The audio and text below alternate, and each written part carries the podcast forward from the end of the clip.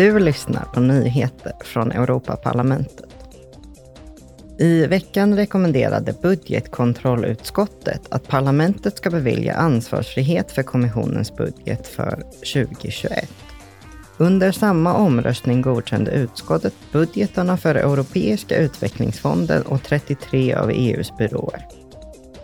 Parlamentarikerna är dock oroade över hur EUs pengar för återhämtning och resiliens används.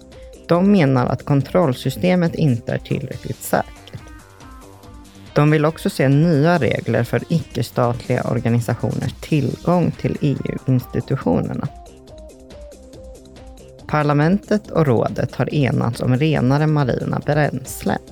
Målet är att minska utsläppen från fartyg med 2% till 2025 och med 80% till 2050.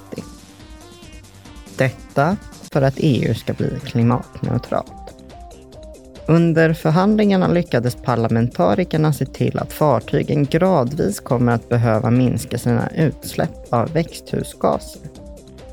Det handlar om fartyg på över 5 000 ton. De står för nästan alla koldioxidutsläpp och all energiförbrukning till havs. I överenskommelsen fastställs också ett mål om att öka andelen förnybara bränslen till 2% till 2034. De 26 nationella vinnarna av Karlspriset för ungdomar har utsetts.